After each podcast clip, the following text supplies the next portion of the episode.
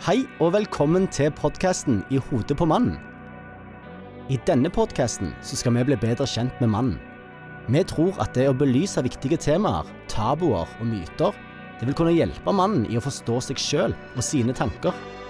Men ikke minst hvordan dette virker inn på relasjoner med andre og i et samliv. Andreas er utdanna sosionom og har en master i samfunnssikkerhet. Og I tillegg er han utdanna sexolog, hvor han i dag har egen praksis. Han foreleser òg bl.a. på Universitetet i Stavanger og forskjellige andre arenaer hvor mannen ofte er tema. Og jeg, jeg er en helt normal mann på 35 år med en familie på fire, men som er kanskje litt over gjennomsnittet nysgjerrige. Og sammen så skal vi prøve å finne ut hva som skjer i hodet på mannen. I hodet på mannen. Med Andreas og Christer. Podkasten er produsert av Stangeland Lyd. Nå er det to uker siden vi, vi møttes, og det var jo fordi at du kanslererte sist uke. Og det Hvilken gyldig grunn hadde du, Andreas? jo, jeg hadde jo en gyldig grunn. Jeg, jeg var på Jæren. Eh, jeg var invitert til å holde et foredrag om eh, menn og kreft, som egentlig skulle ha vært for to år siden. Men eh, pandemien har gjort at vi har måttet utsette det en fire-fem ganger. Og så var vel opplegget at det skulle egentlig være en rundt 40 stykk, men eh, det endte opp med åtte. Det var fordi at jeg ble utkonkurrert av eh, håndballkampen Nærbø-Kolstad, som jeg skjønner ja, ja. Eh, at jeg ble utkonkurrert av den, for det var jo en semifinale. Men det, det, er alltid kjekt å være hos Kreftforeningen og snakke, uansett hvor mange det er. Du har vært der en del? Ja, egentlig ganske mye i ja. siste året. Ja. Det er spennende. Um, I dag så skal du handle om ja, altså Vi skal jo inn på dette med menn og kropp nå i to episoder. Eh, episoden i dag kommer til å handle litt om det holdt jeg på å si, indre livet i forhold til kroppen vår, og, og hvordan vi ser på oss sjøl. Mm. Eh, og jeg har på en måte lyst å ha litt fokus på at menn eh, i kanskje vel så stor grad som kvinner har kroppskomplekser og lever eh, med både dårlige selvbilder og dårlig selvfølelse i forhold til det. Så litt inn og så få litt fokus på noe som jeg har opplevd har vært veldig eh, lagt til kvinnen. Mm. Eh, dette med, med kroppskomplekser. Og, og, prøve å få litt sånn nyanser om at dette i, eh, absolutt òg gjelder menn. Og i den forbindelse så, så, kom du i kontakt med en, eh, en, person som i dag er vår gjest, og mm. velkommen. Eh. Jo, takk skal du ha.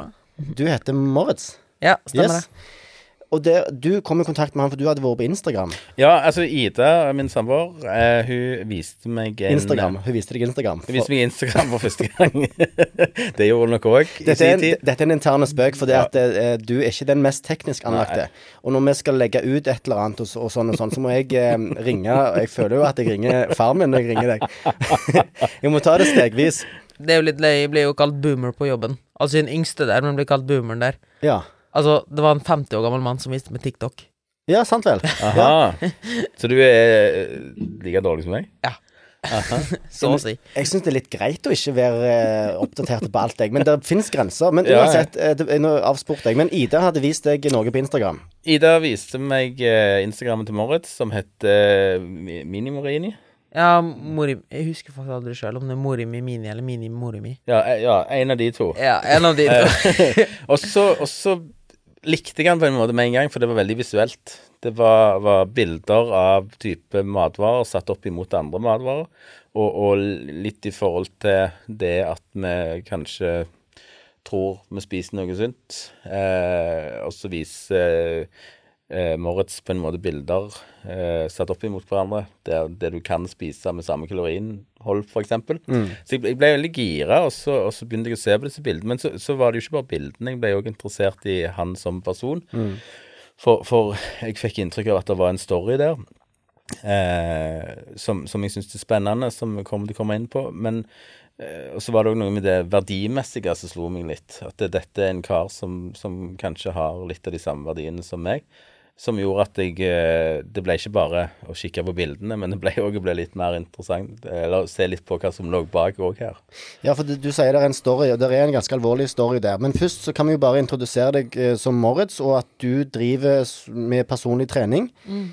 og eh, kostholdsveiledning. Um, du har òg en egen podkast. Um, hva er det dere snakker om i den podkasten? Nei, den handler egentlig om Altså primært egentlig bare så kleint som det høres ut, men det er bare å være awesome. Altså å Å være awesome. Ja. Ja. Så det har vært en sånn ting jeg bare fikk for meg en eller annen gang, og det er egentlig det jeg rett og slett bare står for, det er å bare være awesome.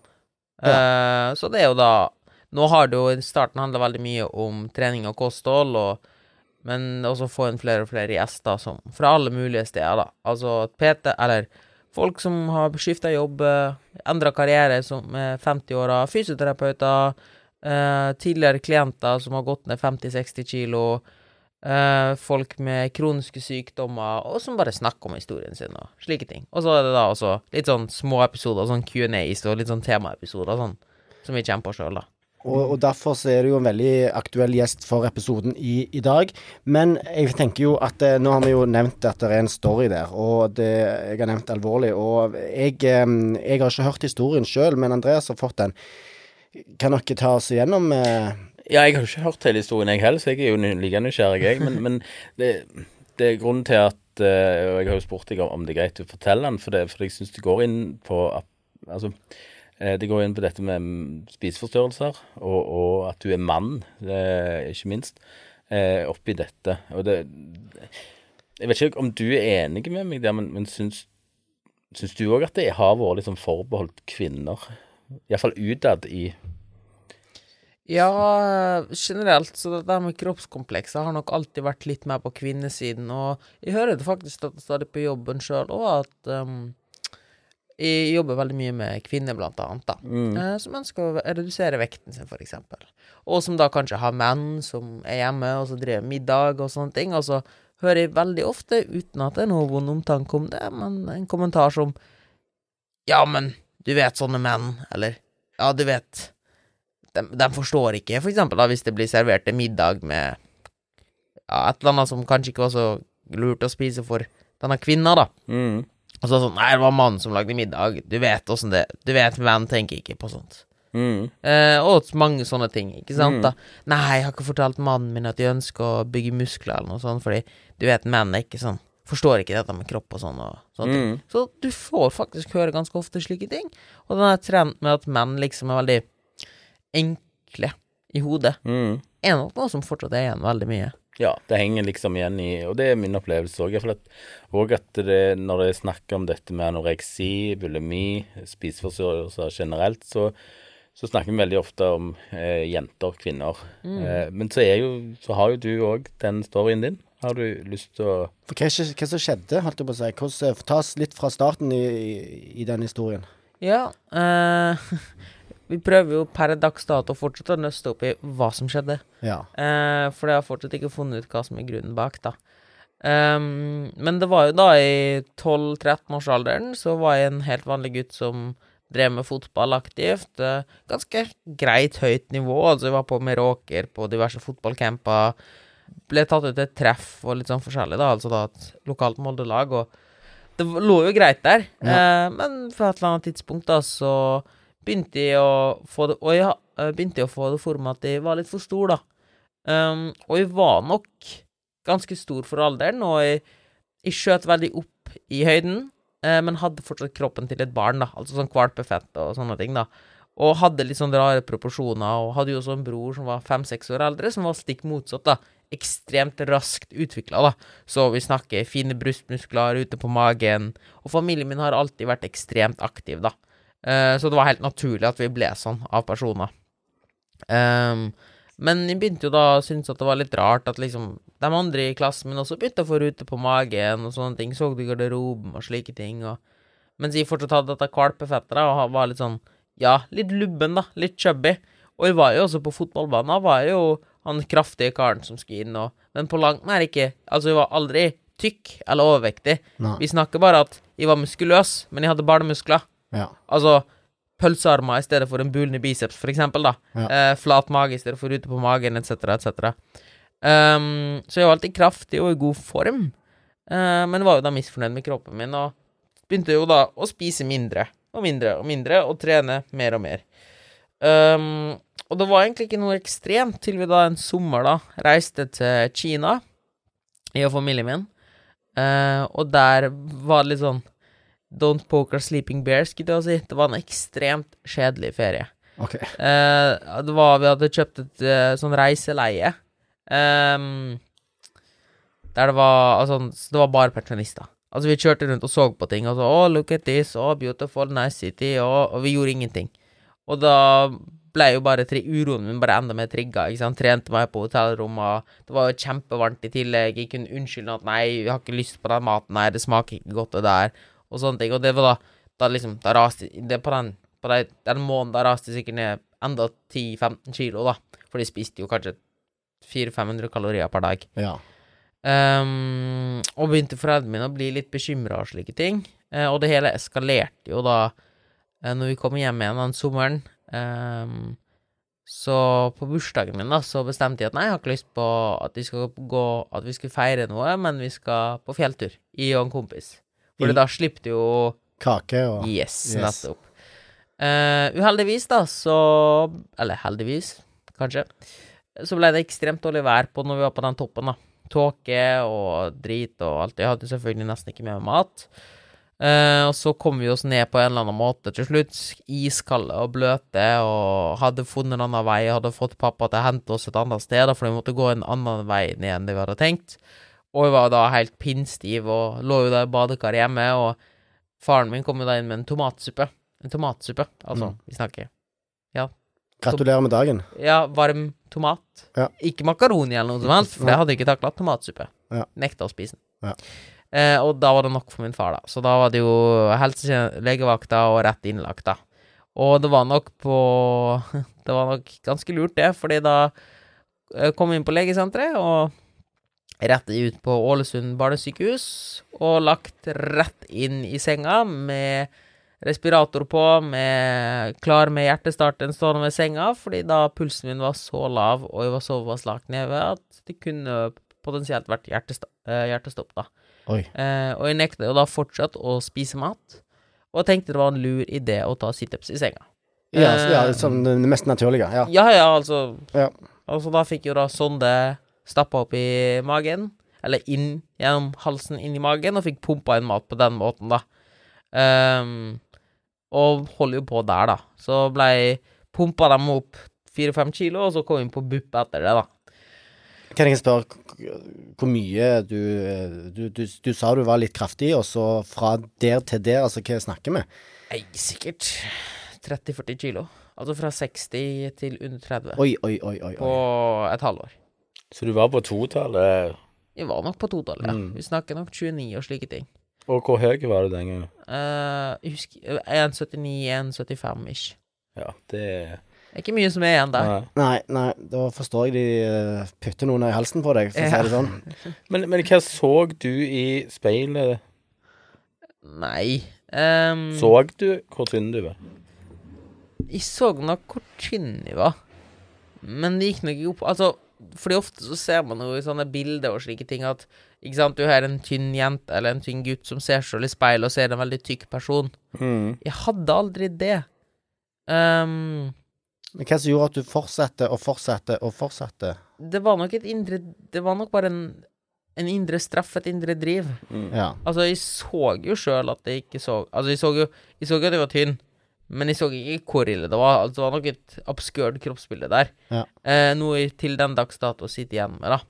Men aldri dette bildet av at jeg var- at jeg var direkte tykk. Det var mer det å straffe meg sjøl. At jeg ikke, at jeg ikke unner noe, da, på en måte. Akkurat. Vurderer du eller din bedrift å starte med podkast? Stangeland Lyd kan hjelpe dere med hele eller deler av prosessen. Planlegger du eller din bedrift en fest eller en hyggelig sammenkomst? Stangeland Lyd leverer lyd, lys og underholdning til arrangementer i alle størrelser. Søk etter Stangeland Lyd for å finne ut mer. For det med, med menn og kroppskomplekser, Andreas, Mm. det, det er jo et tema som du har vel ta opp. Mm. Der er, er det mye menn som, som, som sliter med komplekser for det ene og det andre? Ja, jeg opplever det. Eh, jeg har opplevd det Jeg har eh, for så vidt opp gjennom året opplevd i samtlige av de jobbene jeg har hatt. Eh, Nå har jeg jobba mye med ungdommer, der har jeg sett mye komplekser. Vi har jo hatt en del prosjekter i forhold til dette når jeg jobber i uteseksjon, eh, med, spesielt med fokus på gutter, da, eh, dette med kroppskomplekser. Men, men den som jeg har sett i sexologien, det er jo eh, det bildet som en menn leverer av seg sjøl. Oh, ja. Som, som på en måte som vi menn bruker veldig sjelden de uttrykkene når vi forholder oss til resten av verden. Men så har jo jeg fått disse litt i det indre rommet, da, sant? som er en type setting mellom meg og en, en som kommer til meg. Og da, da er det jo Jeg er feit, jeg er stygg. Eh, jeg liker ikke det jeg ser i speilet. Eh, jeg kommer aldri til å få meg ei dame. Eh, og så litt av det som, som eh, utfordrer meg her, er at det får lov å bli bare i det rommet. Men det er ikke ting som, som menn snakker om til hverandre. Kvinner gjør det. ja men, Kvinner deler jo det, og, dermed, altså, og får en feedback i forhold til det. Men menn går veldig mye alene med dette her. Og det, og det er derfor jeg syns det var viktig å ta opp dette i dag. mm. Mm. For det er, det er sånne eh, beskrivelser av seg sjøl. Eh, jeg har hatt menn som har sagt 'jeg har knust speilet'. For de likte ikke det de, De så. likte ikke det de så. Men så måtte jeg kjøpe nytt. For jeg måtte jo se hvor jævlig jeg så ut. Ja. Den, Altså, og, og så eh, får dette her lov å leve veldig lenge, da. Og her snakker vi jo menn 30 pluss, liksom.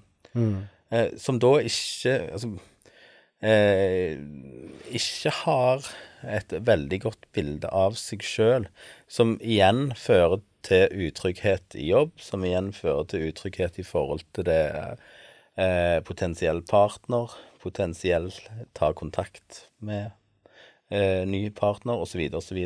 Men hva sier du til, til disse mennene? For det at det, de ligger jo i hodet, gjør ikke det? Jo, det, det er jo klart det er jo å jobbe mye med selvbildet. Ja. Eh, og det, det er jo en sånn prosess. altså klart Selvbilde er jo et begrep i seg sjøl som, som tar veldig mye plass i terapirommet. Eh, men, men det som jeg syns er spesielt her, er jo på en, at Jeg er litt nysgjerrig på hvorfor er det sånn at menn ikke snakker om dette i det offentlige rom? At vi faktisk går rundt og ser sånn på oss sjøl. Meg og deg har jo diskutert dette med hårtap. Eh, som, Ja. som fordi at vi har Jeg har iallfall ikke eh, hår igjen på hodet. Og jeg har sagt det at for meg så var det en forferdelig periode, det der å begynne å miste hår. Eh, og, og, og gå rundt og se at jeg jeg ikke er fornøyd i det hele tatt. Som endte med at jeg tok det nå for to år siden. Og er egentlig kjempehappy med det. Men jeg, nå er jeg jo vel, litt sånn bitter på hvorfor gjorde jeg ikke det før. For jeg gikk og hadde det vondt med det. Men handler det om at du ikke ville erkjenne det, da? At du, tviholdt på det sånn som Ja, jeg ville jo ha hår. Så jeg fant jo alle disse her pulvergreiene og sånn, bare for å uh, ha den der uh, men, men jeg snakket jo Altså, poenget er at dette er ikke noe jeg da går og uttrykker og får uh, snakket med noen om. Så jeg går jo egentlig og bærer det veldig alene, da. Og, og det er jo litt det der med kroppskomplekser generelt som Jeg vet ikke, opplever du det på, som PT? Ja, altså, jeg jobber jo ekstremt mye med dette her med kroppsfokus, og, og ikke minst skape et bedre sjølbilde, da. Um, og jeg har funnet ut over året at det er en ganske spe spesiell trend, og har også lest litt om det, og fant egentlig et fantastisk sitat på det, som jeg også kom litt på på hårtapet ditt nå, da. Mm. Um, og jeg husker ikke hvem som sa det sitatet, men det passer egentlig perfekt. Og jeg sier det også til veldig mange av klientene mine, da. Og det er own it, control it, and then you can change it. Mm. Så når det for eksempel kommer til håret ditt, da, for å ta det hvis jeg får lov, så er det I stedet for å bare anerkjenne ja, jeg blir skalla nå, eller jeg mister håret mitt, og eie det, og gjøre Mm. noe med det, Mm. så gikk det og fornekta det for det Mm. og gjorde et eller annet med det, og mistrives med det. Det samme er det eksempel med folk som legger på seg gradvis over åra. I stedet for å anerkjenne ok, jeg har en livsstil nå som jeg lever litt for mye på plussiden, Mm. jeg får dårligere helse, så hva er det folk gjør? De slutter å veie seg. Um, de bare Nei, det er ikke så farlig. Nei, jeg er jo, jeg er jo aktiv i hagen. Ikke sant? Og sånne ting. Nei, men knærne mine har jo alltid gjort litt vondt. Ikke sant? Mm. I stedet for å anerkjenne OK, jeg har skakkjørt kroppen min nå. Nå er det på tide å gjøre noe. Så lever man i denne fornektelsen, da. Og jeg tror det samme kommer sånn generelt eh, til menn og kroppsbildet, da. Mm. I stedet for å anerkjenne OK, jeg har et kroppskompleks. Mm. Jeg har et problem med åssen jeg ser på meg sjøl. Mm. Og faktisk da strukturert jobbe med det, som du, du sannsynligvis gjør i din terapi også, da, Ja. kan jeg tenke meg.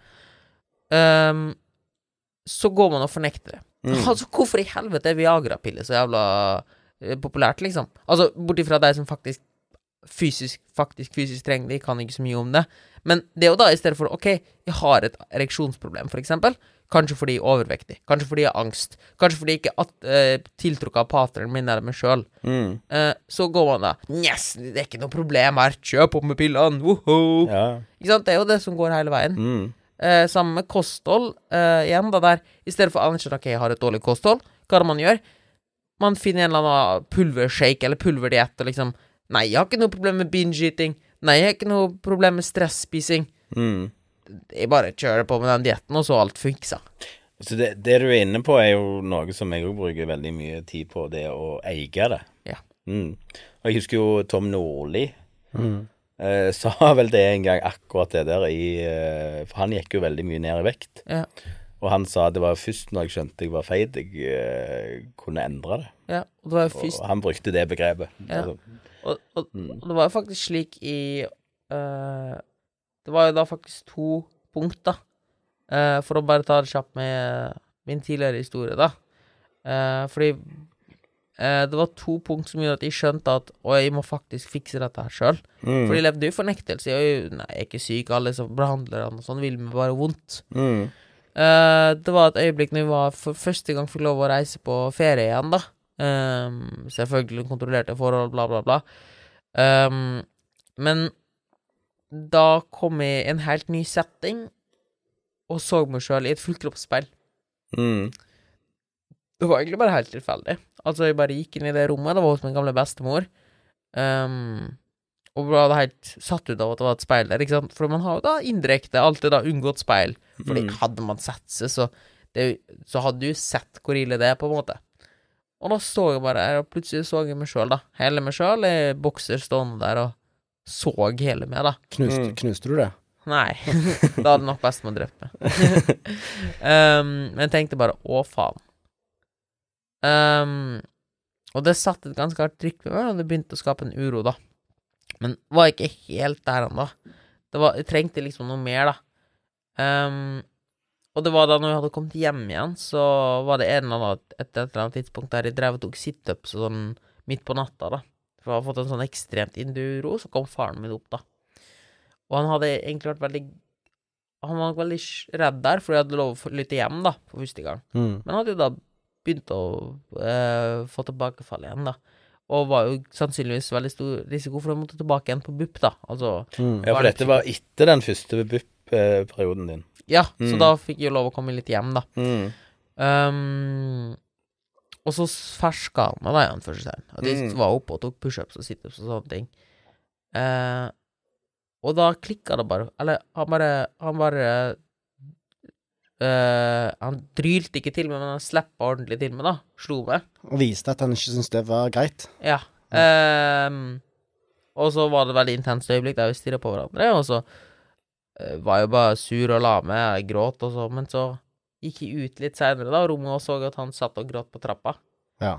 Og da gikk det oppover for meg Ikke bare at hvor mye skada meg sjøl, for det hadde jeg fått på det første øyeblikket der, Mm. men, men nå gikk det jo også opp for det hvor mye skada andre rundt meg, da. Mm. Og det var først da jeg anerkjente Du har faktisk et problem. Dette her må du fikse. Mm. Ikke bare for din egen del, men for andre også. Ja. Og det kommer også når det kommer da, til mental helse og kroppspress og slike ting. At Mm. hvis folk hadde skjønt Ja, OK, det handler ikke bare om det.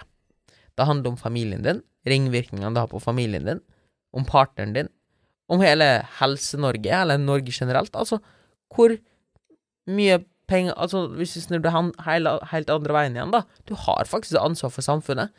Overvekt og, og skader og eh, sykemeldinger pga. Eh, dårlig rygg, dårlig knær etc. koster Helse-Norge mange milliarder kroner i året Uføretrygd, eksempel. Mm, men Også- det tror jeg ikke folk sitter og tenker på. Nei, men de bør kanskje gjøre det. Ja. Og så ungene sine, da.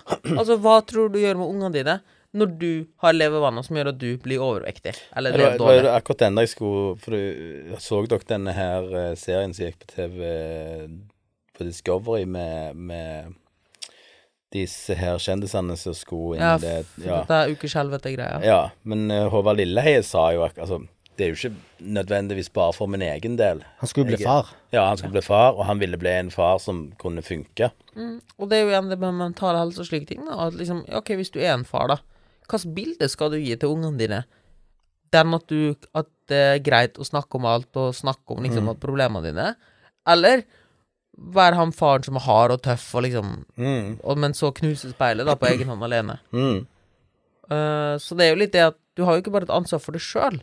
Nei, og dine, dine vaner, eh, hvis du har dårlige vaner da, med tanke på kosthold, Mm. så vil jo det, uten du vil det, nærmest eh, videreføres til, til de små. Studier faktisk viser at de fem første leveåra det er det aller viktigste. Det du gjør etter der, er Altså, selvfølgelig kan du endre ting etter det, Mm. men de vanene du legger på barnet ditt på kostholdsfronten de fem første åra, og det det barnet får sett For det hjelper ikke at du trykker en gulrot i barnet, og så spiser du sjøl pizzaen. Nei, nei. Det- Barnet ser jo hva du gjør. Mm. Og det inntrykket det barnet får de første, første fem åra, er egentlig det som legger grunnlaget for resten av livet. Mm. Og det er noe å ta med seg, for, Mm. for folk kan tenke at det, at det er bare min kropp, det driter jeg i, sant? Det, det, det er mitt ansvar. Men, men hvis du får de til å tenke på, på hva de gjør med, med de etterkommerne, så, så tror jeg at en del får en øye Sånn, hva heter det? Mm. Og, og, men det er jo litt trist å tenke på at, at egen kropp ikke er nok. Jo, jo det, det er for så vidt sant. Jeg er helt enig, men, men det er Men det er jo sannheten. Det er jo Ja, ja. sannheten. Det, men da er det tross alt bare de sjøl som lir, og staten selvfølgelig, men det tror jeg ikke folk bryr seg om. Nei, nei. Men, men, men tilbake til det med Håvard Lilleheie, med at ja, eh, du har en sønn, sant? men det er jo ikke alle Sier du, du, du sitter her og hører på og, og er 45 år og ikke har planer om å få nye unger, og mm. tenker ja, ja, men da er det ikke så viktig. Nei, men du har kanskje barnebarn. Du vil kanskje være et forbilde og kunne leke og ta med barnebarnet ut, eller vil du være han bestefaren som ligger på sofaen og, og helst bare ikke vil være med? Ikke minst partneren din. Du har et ansvar for partneren din også. Ja. Uh, og snakka veldig mye med uh, Lloyd, kollegaen min, om det. Uh, og hans kone, da, er at dette her Du har jo Altså, du har jo inngått et forhold med en person på grunn av sånn person er der og da. Og det å da for eksempel slutte helt, da, å bry seg om egen kropp, og forfalle Du, du har jo da egentlig Du bryter jo da egentlig avtalen med partneren din. Det inngår en pakt som vi forfaller sammen, tenker jeg. Ja, ja, for eksempel. Det går jo også, da. så hvis det er mutual agreement, så er jo det en annen ting. Men, det, men det er jo noe Hvis vi skal liksom For, for jeg syns det er veldig viktig det du sier med å eie det, men, men jeg tenker òg det å eie kan i denne sammenhengen ha litt forskjellige betydninger òg. For én ting er jo å eie sin egen opplevde utfordring, om være seg kropp eller dårlig selvbilde i forhold til kropp osv. osv. Men du må jo òg eie det å faktisk dele Ja. denne utfordringen til noen. Og det har vi jo egentlig vært inne på alle episoder. Altså, menn snakker om det. For du, for du kan ikke bare eie problemet, du må faktisk Mm. eie at du deler til omverdenen at her jeg trenger kanskje litt hjelp i forhold til noe her og, Og- nå. Og det er kjempeviktig. Eh, Mm. Veldig fint at du sier det, fordi jeg opplever også at veldig, veldig mange bruker ting som en unnskyldning. Mm, Uh, fordi det hjelper ikke å eie det og brukt det som unnskyldning. mm, Um, uansett hva det nå enn er. Altså, jeg har veldig mange som sier sånn 'Lovt stoffskifte, kan ikke gå ned i vekt'. Mm. Ikke sant? For eksempel det, da. Bare for å ta det som et veldig teit eksempel. I'm big boned. Ja, ikke sant? Ja. Funker det nå? mm, Um, så det er jo det å liksom bare Ja, anerkjenne problemet, men også ønske å gjøre noe med det, da. Mm, Uh, og ofte da si at ja, men da jeg trenger faktisk hjelp med dette her. Uh, og kropp og mental helse Det er noe vi trenger like mye hjelp med som alt annet. Og det er jo helt fascinerende å tenke på at Altså, vi ber om hjelp til alt annet. Fikse uh, dekka på bilen, kabel i leiligheten, nye vindu, regnskap Overalt der skal vi putte ut penger. Overalt. Alt sånt her. Men når det kommer til det viktigste i livet vårt, det vi skal bære med oss hele veien, bare sånn kropp og topp, det, det, det fikser vi sjøl. Det er ikke så farlig. Men de gjør jo ikke det. Nei, men det er jo det. Ja, ja, jeg, jeg, jeg, jeg, jeg vet hva du snakker om. det er Og helt så, og så er det jo Det er jo en Altså, vi kan jo snakke veldig mye om kropp, men det er jo Iallfall kropp og sjel, som, mm. som på en måte henger sammen her, eller skal henge sammen. For det én ting er å du kan, du kan være veldig godt trent selv om du er stor, Ja. men det er jo når disse to tinga begynner å koble seg sammen, og det blir en utfordring. Altså du, du er stor, og du, du, fakt, du faktisk har helseutfordringer, og du har et dårlig selvbilde. Da, på det tidspunktet, så må du jo inn og eie det for å skape en endring, tenker jeg. Absolutt. Du så jo det som han eh, Ronny Brede Aase, han på P3. Eh, han var jo på dette her um, Ja, Han hadde jo den dokumentaren. Et fett Ja. liv. Et fett liv og har fått massevis av kritikk og slike ting. Eh, Skal, det er ikke vits å gå inn på det, men han har jo da i etterkant, så, slik jeg har forstått det, begynt å ta grep. Ok. Eh, fordi der og da så identifiserte han seg med «Å, Ian Braute, tykke i drit i kostholdet mitt, bla, bla, bla, jeg har det kjempekjekt. Mm. Ikke sant? Og det er jo også noe med det å liksom nesten latterliggjøre seg sjøl, og jeg tror at det er mest en forsvarsmodus, eh, mest av alt. Og Mm. jeg kunne jo også gjort det, for, eh, for eksempel på Altså, jeg kunne jo også levd og nesten utnytta av gutten som har hatt anoreksi, liksom, og gutten som har gjort sånn og sånn, men det er jo som du sjøl sa, det er jo noe jeg ikke har fokus på. Altså, Mm. ja, iblant kommer jeg med ting, men jeg bruker ikke det som en som en label, på en måte, at for å liksom bli anerkjent, eller som en unnskyldning for å få til ting, eller eh, Det var litt kanskje litt rart uh, forklart, men liksom det er liksom Det hjelper ikke å bare eie noe, og så liksom ikke ønske å gjøre noe med det, da, og liksom nesten jeg bruke det som en unnskyldning for å Ja. ikke måtte gjøre noe, da. Du, du, må, du må ta noen grep der. Ja. Men eh, du var jo litt inne på akkurat den historien din. Har du lyst til å fortelle den Vi lo jo litt av den. Det var jo en litt funny historie her. Eller, eller eh, den tysklandsturen din. Ja. Nå, nå- nå ble jeg liksom bekymra for at det, du hadde hørt noe som han ikke ville fortelle, og så ble han satt ut, men han måtte bare tenke seg om. ja, du så hodet mitt bare Ja, ja, jeg så det spant. um, nei, det var litt løye, da. Um, man kan jo tenke seg hva som skjer når man gjennom hele puberteten ikke gir kroppen nok næring. Mm. Det er jo da ting som kanskje ikke blir produsert som den skal, og ting blir satt ut litt, da. Um, og jeg har jo lenge vurdert i etterkant Noe er fortsatt feil her. Altså Selv om jeg spiser greit, jeg trener bra, noe er fortsatt feil her. Hvorfor er jeg fortsatt sliten og slapp? Hvorfor er jeg så jævlig mye negativ? Mm, Og hvorfor har jeg så mye negative tanker? Jeg bare kjente et eller annet feil, da. Så dro jeg da faktisk, før pandemien starta, så dro jeg da til legen. Og tok noen blodprøver. Liten sånn deep shit-blodprøve, da. Ikke bare sånn overflødig, da. Så bare Ja, her er blodprøvene dine. Du har mindre testosteron enn en 80 år gammel dame. Det vil si, referanseverdien er fra 15 til 30. Jeg hadde 0,1. Oi. Ehm, og det, for å toppe det hele, da, så får vi da vite dette her. Du har intet eksisterende testosteron, og du har lavt stoffskifte. Du skal til legen om to Nei, vent! Om åtte måneder, fordi nå er det korona. Å ja. Ja. Ja, så da gikk jo da åtte måneder og venta for å i det hele tatt få en bekreftelse på at ja, nå skal du starte på uh, behandling. Eller nei, først så ble jeg jo anklaga for å gå på anabole steroider. Eh, fordi jeg kunne jo ikke, ikke ha testosteron og ikke og ha lavt stoffskifte, sånn som vi drev på. Mm. Så jeg ble jo da an anklaga først av alt for å ta anabole steroider, for det gjør jo også at du ikke har interproduksjon av, eh, av testosteron, da. Og så måtte du da forklare hele historien min, gi tilgang til helsejournalen min, bla, bla, bla. Eh, og jeg skjønner jo det. Eh, men fikk jo da starte på testosteronbehandling. Ja. Um, og fikk jo da ta med meg en haug av disse gelflaskene. eh, for det er sånn Jeg valgte da daglig testosteronkrem i stedet for én gang i måneden der du får en injeksjon, da.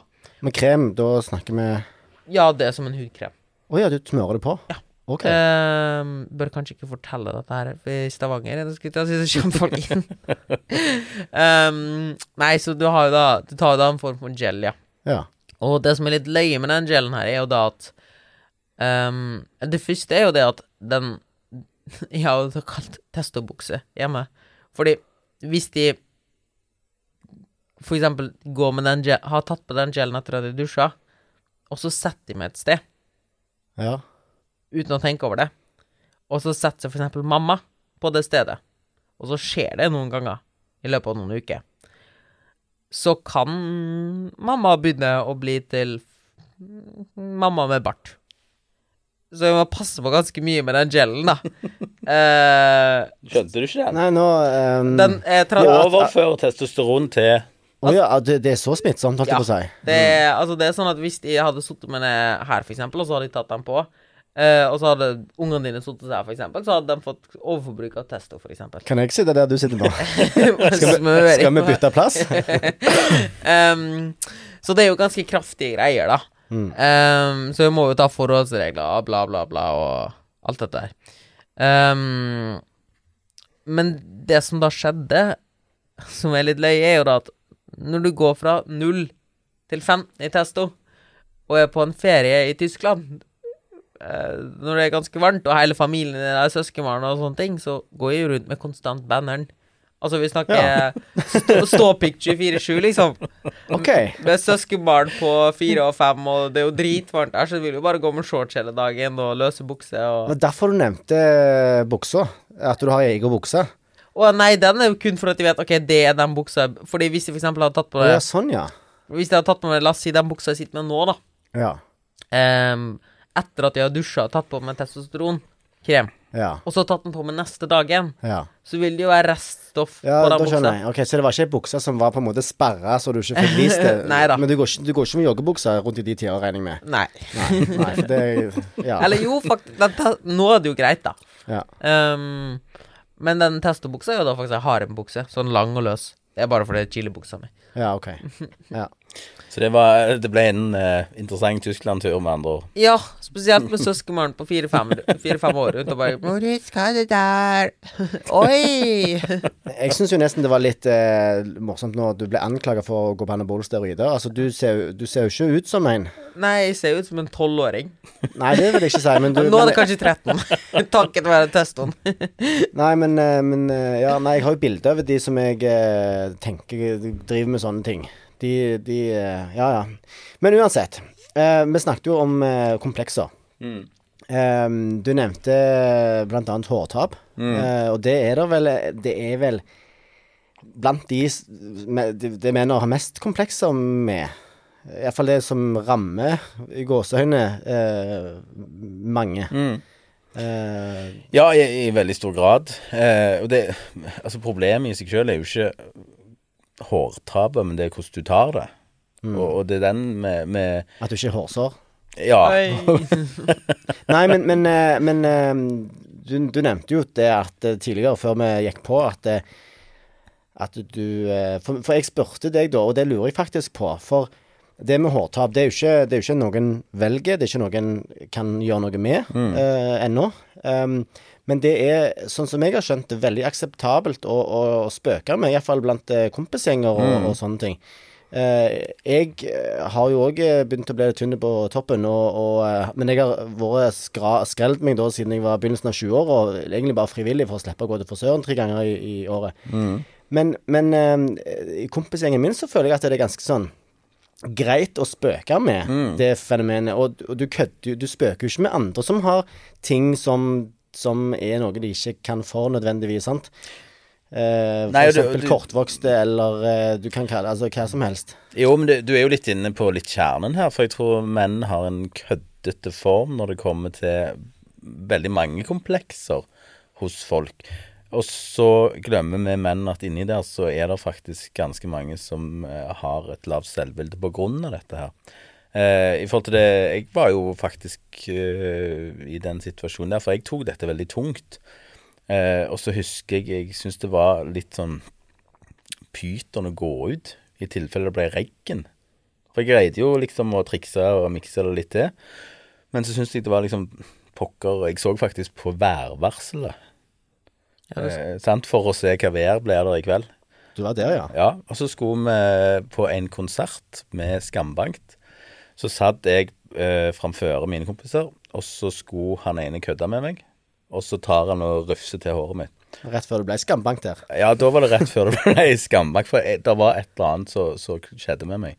Og jeg ble hissig. Jeg blir nesten aldri hissig. Og jeg tror eh, han skjønte at oi, her er det et eller annet. Eh, og og jeg mista det litt. Eh, for det det betyr så mye for meg.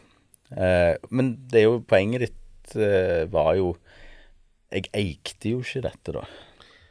Ja, og dette her med å skjule ting og slike ting, det er nok noe som går igjen veldig, og vi har jo snakka om det tidligere også. Um, for eksempel nå med Det er jo derfor uh, Det var jo Eller nå med Sats, for eksempel, da, for å ta det først. Uh, at de har lagt inn en sånn regel nå, at en dress code. Mm. Du har ikke lov å gå med singlet på Sats. Mm, ja, det har vært litt i vinden. Ja. Um, og det er jo sånn Hva er det vi egentlig gjør da? Altså, skaper vi egentlig ikke da mer overfokus på noe enn hva det egentlig er?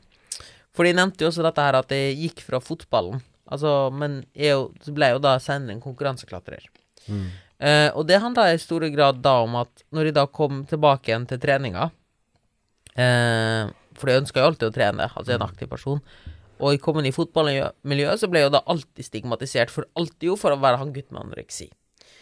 Jeg alltid hvis det, Etter en fotballøkt eh, så har jeg alltid blitt opplært at ok, da spiser vi en skål med eh, kesam og bær i stedet for å drøle inn på som sjokoladeplate, for de vet at kroppen min har bedre av det. Altså Det er noe som ligger helt naturlig. Jeg velger et eple fremfor en sjokoladekake når jeg er på en barnecup eller et eller annet sånt.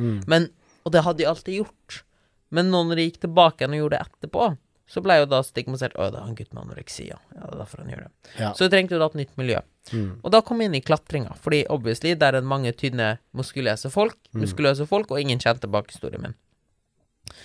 Og det som gikk opp for meg i klatremiljøet, eh, og det er også noe som går igjen i f.eks. crossfit-miljøet Folk driter i hva du har på deg. Mm. Folk driter om du er baris. Altså, når jeg kom inn i klatrehallen, alle drev og sto rundt i baris, og liksom Uansett om det 60 eller 80 eller 90 kilo, det har ingenting å si. Det er jo hva du gjør, som har noe å si. Altså, dritfett når noen klarte en, et bulder, altså en klatrerute. Um, eller om hva det nå enn var, det har ingenting å si. Det var brødsmuler som lå i magegropa, skulle jeg si, og liksom at man måtte dra ut magen for å få ut brødsmuler. Det var bare løye, det. Mm. Det var ingen som brydde seg. Mm. Og jeg tror at det å ha et overfokus på dette her, da um, Og liksom 'Å nei, pass på kroppspress. Å nei, pass på det. Å nei, pass på det.' Det gjør ting egentlig bare verre.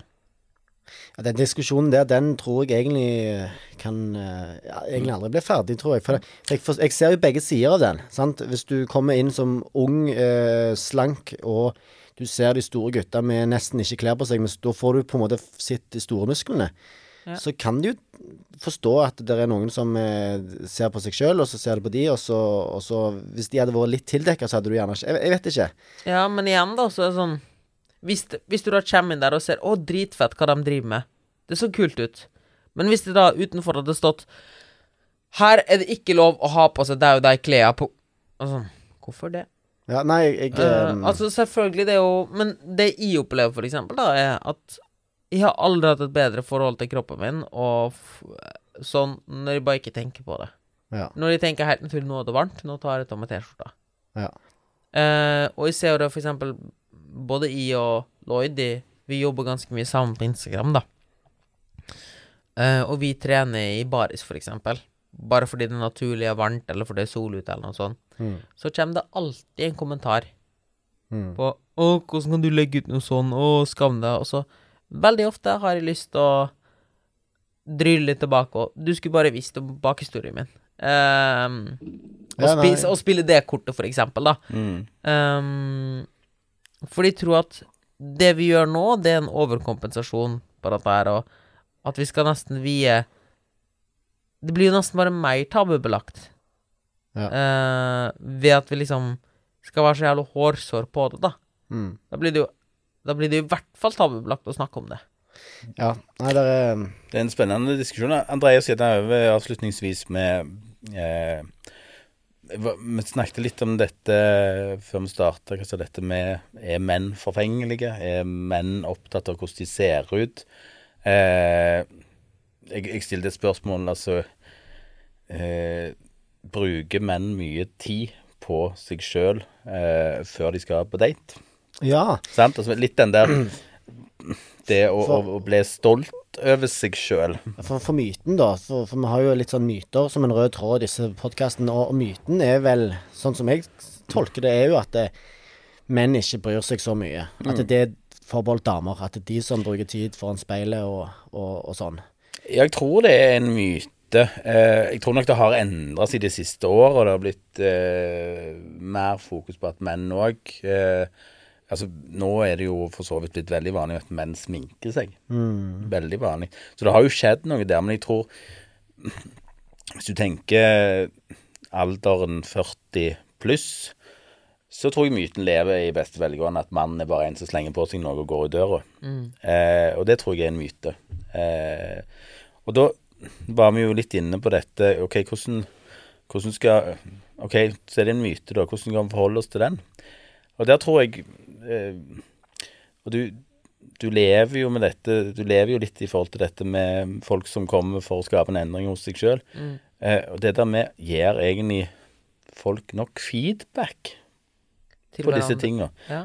Hvis, hvis mannen da kler seg opp, og har gjerne stått, som vi snakket om, sant, med to-tre bukser, og OK, da velger jeg denne, eh, får menn nok tilbakemelding på at de faktisk har gjort en innsats? Ikke fra andre menn, iallfall. Nei. Altså, damer er jo veldig flinke til 'Å, så fine kjole du hadde på deg i Ja. dag', eller noe Men, men, eh, men har du Kommer du til et selskap, da, så er det jo alltid damene som får høre hvor fine de var. Eh, er veldig sjeldent at eh, menn eh, aldri kommenterer andre menn. Vi jobber med å anerkjenne Nick. Ja, ja. Ja. Um, ja, Funker dårlig på podkast, da. ja, ja. ja, ja, men, men eh, vil vi høre det? Sånn eh, Vi vil jo det. Hva Ja. tenker du, Moritz? Ja, jeg tror det. Det absolutt det. Men det skal liksom Det er ikke greit Ja. å si Eller kan vi si at det ikke er greit? Jeg tror, at, jeg tror menn nesten har skjøt litt sjøl i foten her, og at kvinner generelt bare er flinke på det, og heier litt på hverandre. Eh, at, Men tilbake til deg sjøl, da. Sant? For du, du, du fikk jo plutselig et bilde av deg sjøl at her Her var det et eller annet som jeg ikke liker å se. mm, Eh, hadde det vært bedre hvis folk hadde heia på deg i form av anerkjennende ord? ja, jeg tror absolutt det.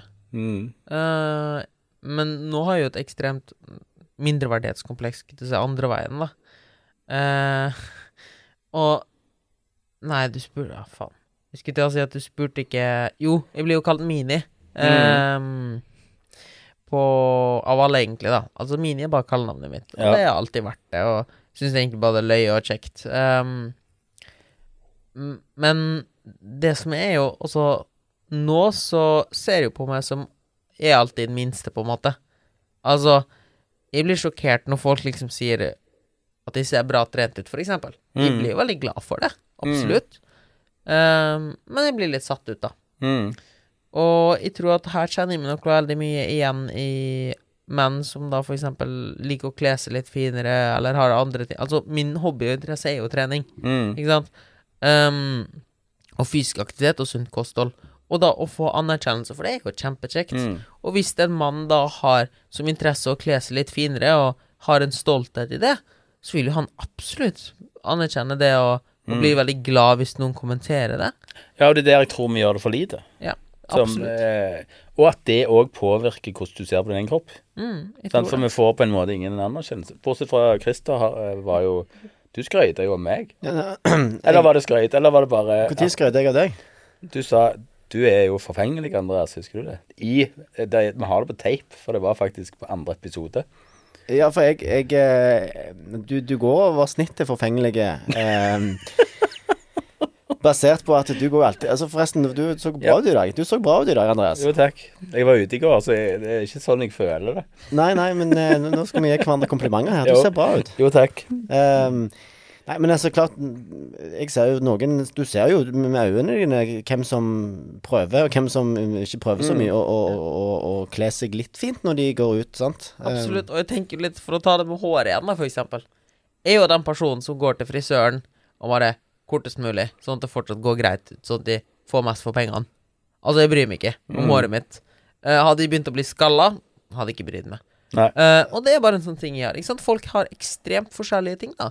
Men jeg tror at det er som du sier, da, at uh, Eller som dere sier, at At man ser veldig fort hva folk brenner for, og hva de har lyst for. ja. Og hva de liksom Hvor kan jeg gi et kompliment, da?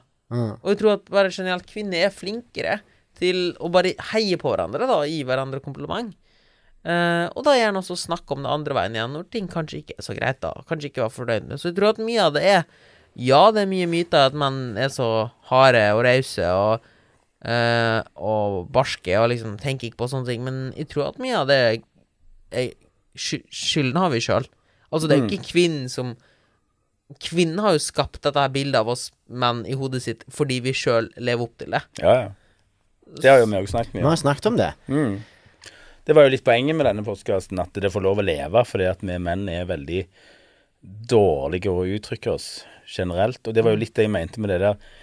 Ja, jeg kan godt eie mitt problem, men, men da går jeg alene med det. Jeg må jo eie det der og faktisk eh, dele det med noen, sånn at noen kan heie på meg, sånn at noen kan støtte meg, sånn at noen kan eventuelt Altså, du er jo kostholdsveileder. Du er jo helt avhengig av at jeg eier deg i handling, for Ja. da spør jeg deg om råd. Ikke sant? Det er jo noe med det òg. Og liksom anerkjenne at man trenger det. Det er jo samme som du jobber som behandler med hjelp. Som sexolog, da. hjelper folk der. Det er jo like viktig, det. Mm. Det hjelper ikke å liksom bare Det er litt løye du sier det, fordi det er jo en så vanlig ting, ikke sant. De spør ja Åssen pleier du å spise, da? Nei, eh, spiser jo salat til lunsj, og så har jeg to knekkebrød til frokost, og så en liten porsjon middag. Altså, Berit, du veier 50 kilo for mye. Du spiser ikke to knekkebrød, en salat og en liten middagsporsjon. Nei, de, de sminker på sannheten når de kommer. ikke sant. sant? Det blir jo litt det, da. Eh, Å liksom åpne seg opp da og si hva som er. Nå var jo bare Berit et generisk navn, men jeg tror nok det samme hvis du da Hvis en mann eksempel går til fastlegen, da, og sånn Blir spurt da åssen man har det, og sånn Nei, altså Har det jo ganske greit, altså. Ja. Mm, Ja, men det var jo en grunn til at du kom hit. mm, Sånn Nei Jeg vet egentlig ikke. mm.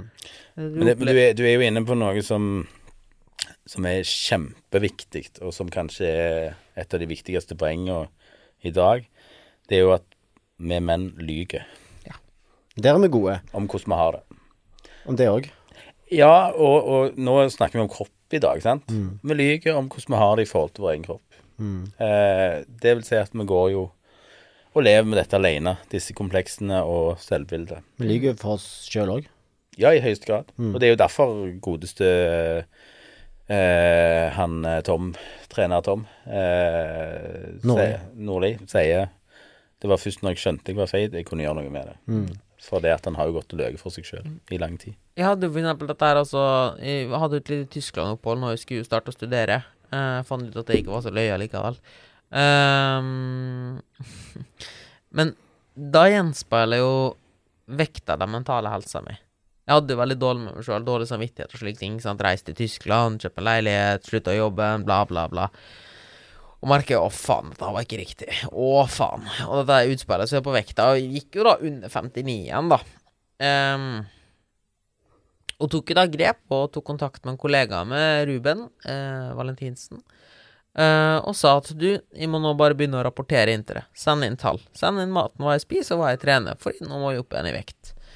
Eh, og skrev jo også da dette er helt åpent på Instagram.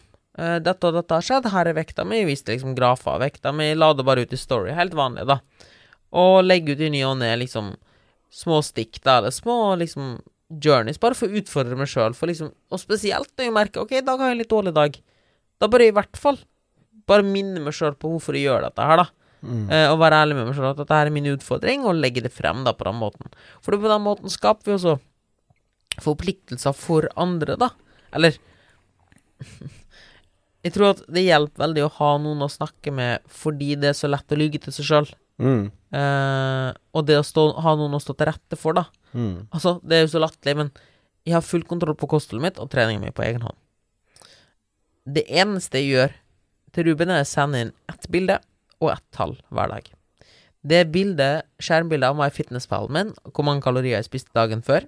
Han får ikke se hva jeg har spist. Mm. Han ser kun tallet, hva jeg har loggført, og vekta mi, morgenvekta mi. Det er jeg sender han. Men du har det i bakhodet, fordi at du vet at eh, du skal sende det bildet, og da vet du at ok, da må jeg holde de rutinene. Hver dag. Og det har jo vært dager der jeg tenkte ja, nå kan jeg bare smelle på 200 kalorier og late som. Så hvor skal jeg gjøre det? Ja.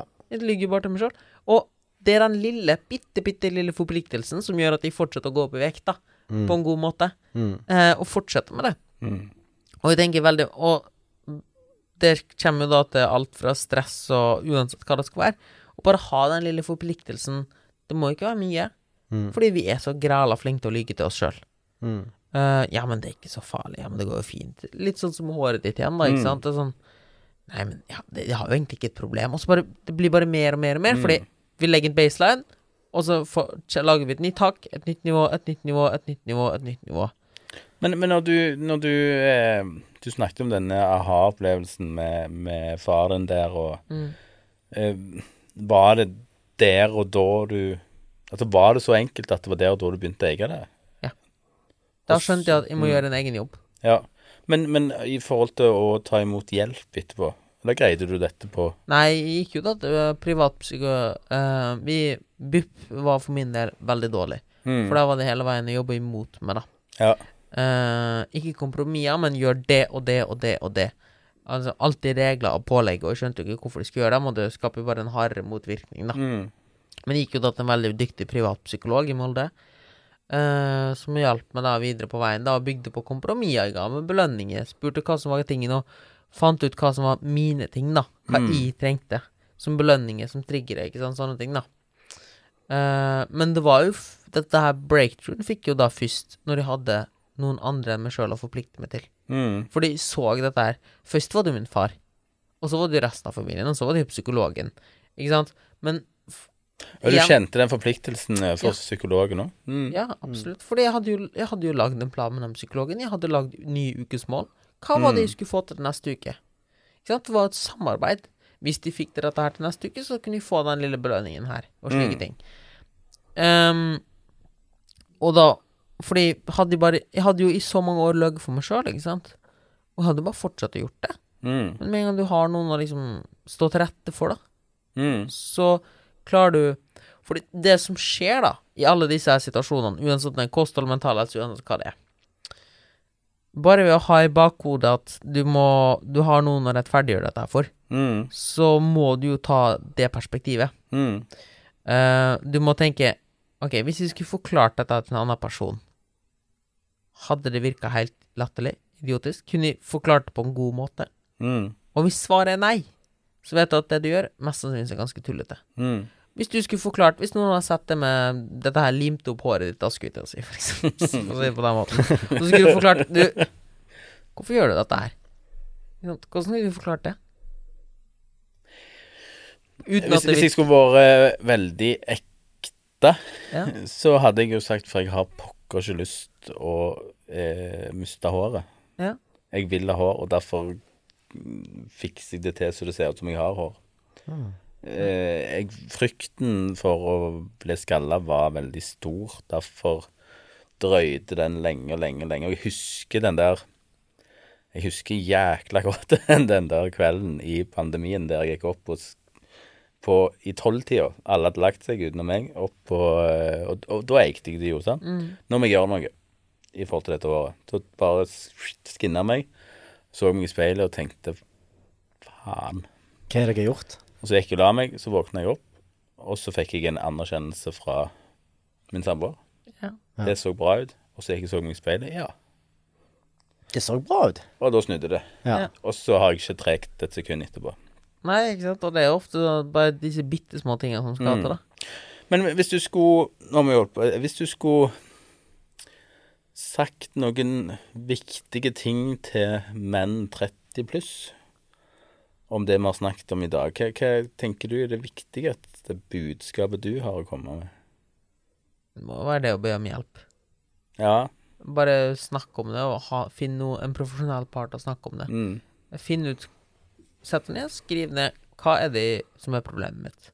Hva er det som egentlig uroer meg? Mm. Jeg, jeg sitter igjen med Jeg, jeg syns det var veldig jeg, jeg, Mye av det du sier, drog meg rett inn i mitt eget rom der i, i øh, Både sexologien, men òg andre plasser. Og det er jo det du har snakket om å eie det, uh, syns jeg er veldig viktig. Men, men den siste der òg, som, som du har påpekt ganske mange ganger, det å eh, Du forholder deg faktisk til en omverden òg, som du skal rettferdiggjøre deg sjøl i forhold til. Eh, og den tror jeg er kjempeviktig. Altså, vi, vi, vi har et visst ansvar til å ta vare på oss sjøl, både mentalt og fysisk, i forhold til de som er rundt oss, Mm. den tror jeg ikke vi bare tenker så mye på. altså. Nei, det er viktig. Så jeg tror den, den må få lov å, å gli ut som en viktig del i dag, og, og det med å eie det, tenker jeg er, er så, tenker jeg noe av det viktigste man kan gjøre, da, siden du spurte meg, det er å skape støttespillere i alle Ja. miljøer. mm, Um, la oss si at du har en kompisgjeng. Det at kun én person i den La oss ta for eksempel ditt hårproblem uh, uh, problem igjen, da. Uh, sorry at det går så mye på det, men det var så fint og Jeg har rygg å det. Men hvis du i kompisgjengen din har én person som vet om komplekset ditt, så kan han alltid snevre samtalen på noe annet, han kan alltid gi noe positiv feedback og slike ting. Ikke Mm. sant? Hvis du har én person på jobben som vet om dette her, så vet dere begge to, dere har mutual agreement, må ikke være å snakke om noe, men du vet alltid at du har en støttespiller der. Ikke sant? For eksempel igjen hos meg, da, og treninga og spisinga. Sånn, jeg har en støttespiller hjemme, bare fordi jeg har sagt det. Mm. Jeg har noen på jobben som vet det. Som jeg har alltid noen som Jeg bare vet De må ikke si noe, eller noe sånt. Jeg bare vet jeg har en støttespiller der. Mm. De, har ikke noe ansvar. Du må bare åpne opp til en person da som da vet om dine komplekser, dine problem. Og det, det, skal så lite til. For eksempel igjen, da, da kunne jeg sagt til deg at Så finner vi på håret i dag. Mm. Ikke sant? Må ikke være mer enn det. Du, du sier jo noe som er utrolig viktig. For da blir jo hele, sorry, da blir jo hele samtalen leda dit. Ja. Ja. ja, stemmer det! Du var fin Ja. på, ikke sant? Nei, du, du sier noe som er du, du sa et ord i den setningen der som som òg må eh, sies igjen, og det er eh, Du har en støttespiller bare for det du har sagt det. Mm. Og det er jo det jeg tror veldig mange menn som tør å si et eller annet om hvordan de opplever seg sjøl, de får en støttespiller. Vi er veldig OK med som mennesker, egentlig, i forhold Ja. til det, men vi må jo få ta del i dette, da. Til og med, la oss ta det så langt igjen til det med partnerskikk. Hvis du sier du, jeg har et problem med å få ereksjon, for eksempel. Ja, ja. Så kan jo det være en massiv, liksom I stedet for at det går tabubelagt, og at du begynner å ikke snakke om det, og prøver liksom unngå det, og partneren begynner kanskje å tenke altså Er ikke attraktiv?